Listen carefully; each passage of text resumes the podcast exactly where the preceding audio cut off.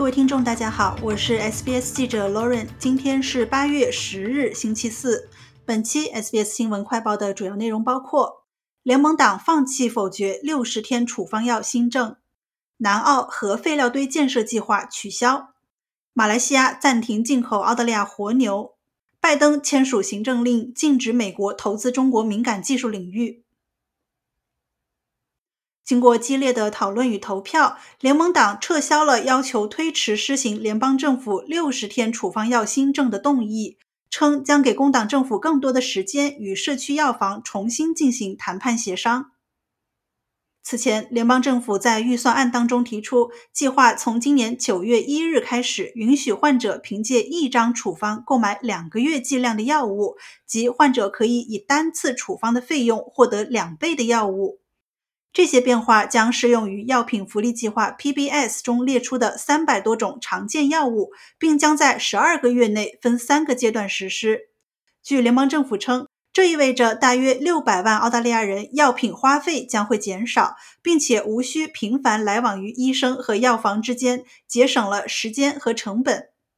联盟党对这一新政表示反对，并在议会提出动议，要求延迟推行这一新政。但绿党和其他一些独立议员投票反对了联盟党的动议。影子卫生部长安妮·拉斯顿随后表示，联盟党将反对动议推迟至下次议会会议周，希望工党政府利用这段时间与药剂行业重新谈判协商。影子财政部长简·休姆表示，联盟党支持药物降价，但希望保护社区药房免受任何不利影响。我们支持六十天处方药政策作为一项生活成本纾困措施。我们支持药物降价，但问题是这项政策实际上可能适得其反，使一些澳大利亚最脆弱的人承担更多的费用。我们希望看到政策得到正确执行，因此我们希望在六十天处方药政策实施之前达成新的社区药房协议。我们要确保药剂行业的意见得到听取。此前，尽管联盟党称要在参议院否决该议案，但联邦政府表示仍将致力于实施这一药物降价新政。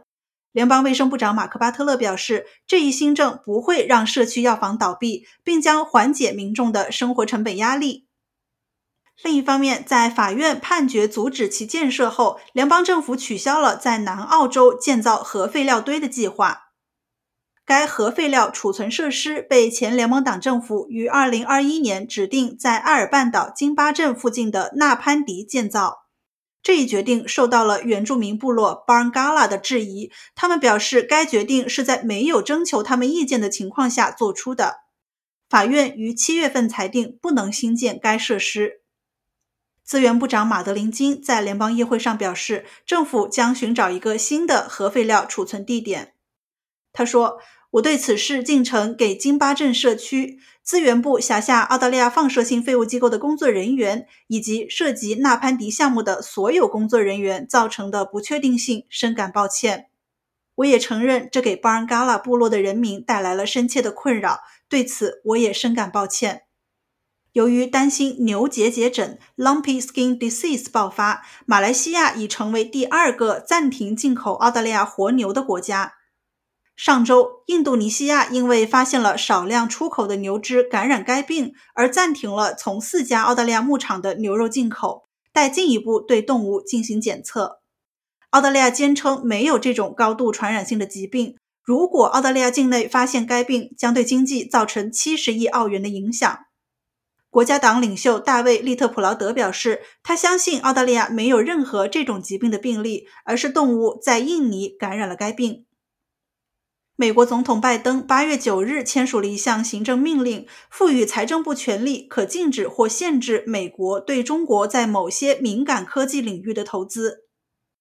行政命令列出了三类被限制向中国出口的国家安全技术与产品：半导体与微电子、量子信息技术以及特定的人工智能系统。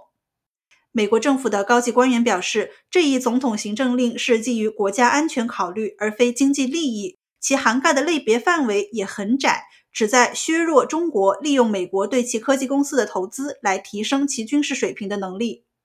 中国外交部八月十日上午发表声明，表示对美方执意出台对华投资限制措施强烈不满，坚决反对，已向美方提出了严正交涉。声明称，美方打着国家安全的幌子，限制美国企业对华投资，其真实目的是剥夺中国发展权利，维护一己霸权私利，是赤裸裸的经济胁迫和科技霸凌。感谢收听本期的 SBS 新闻快报，在任何的播客平台搜索 SBS 普通话，点击订阅，开启消息提醒，即可了解澳洲国内外新闻以及社区资讯。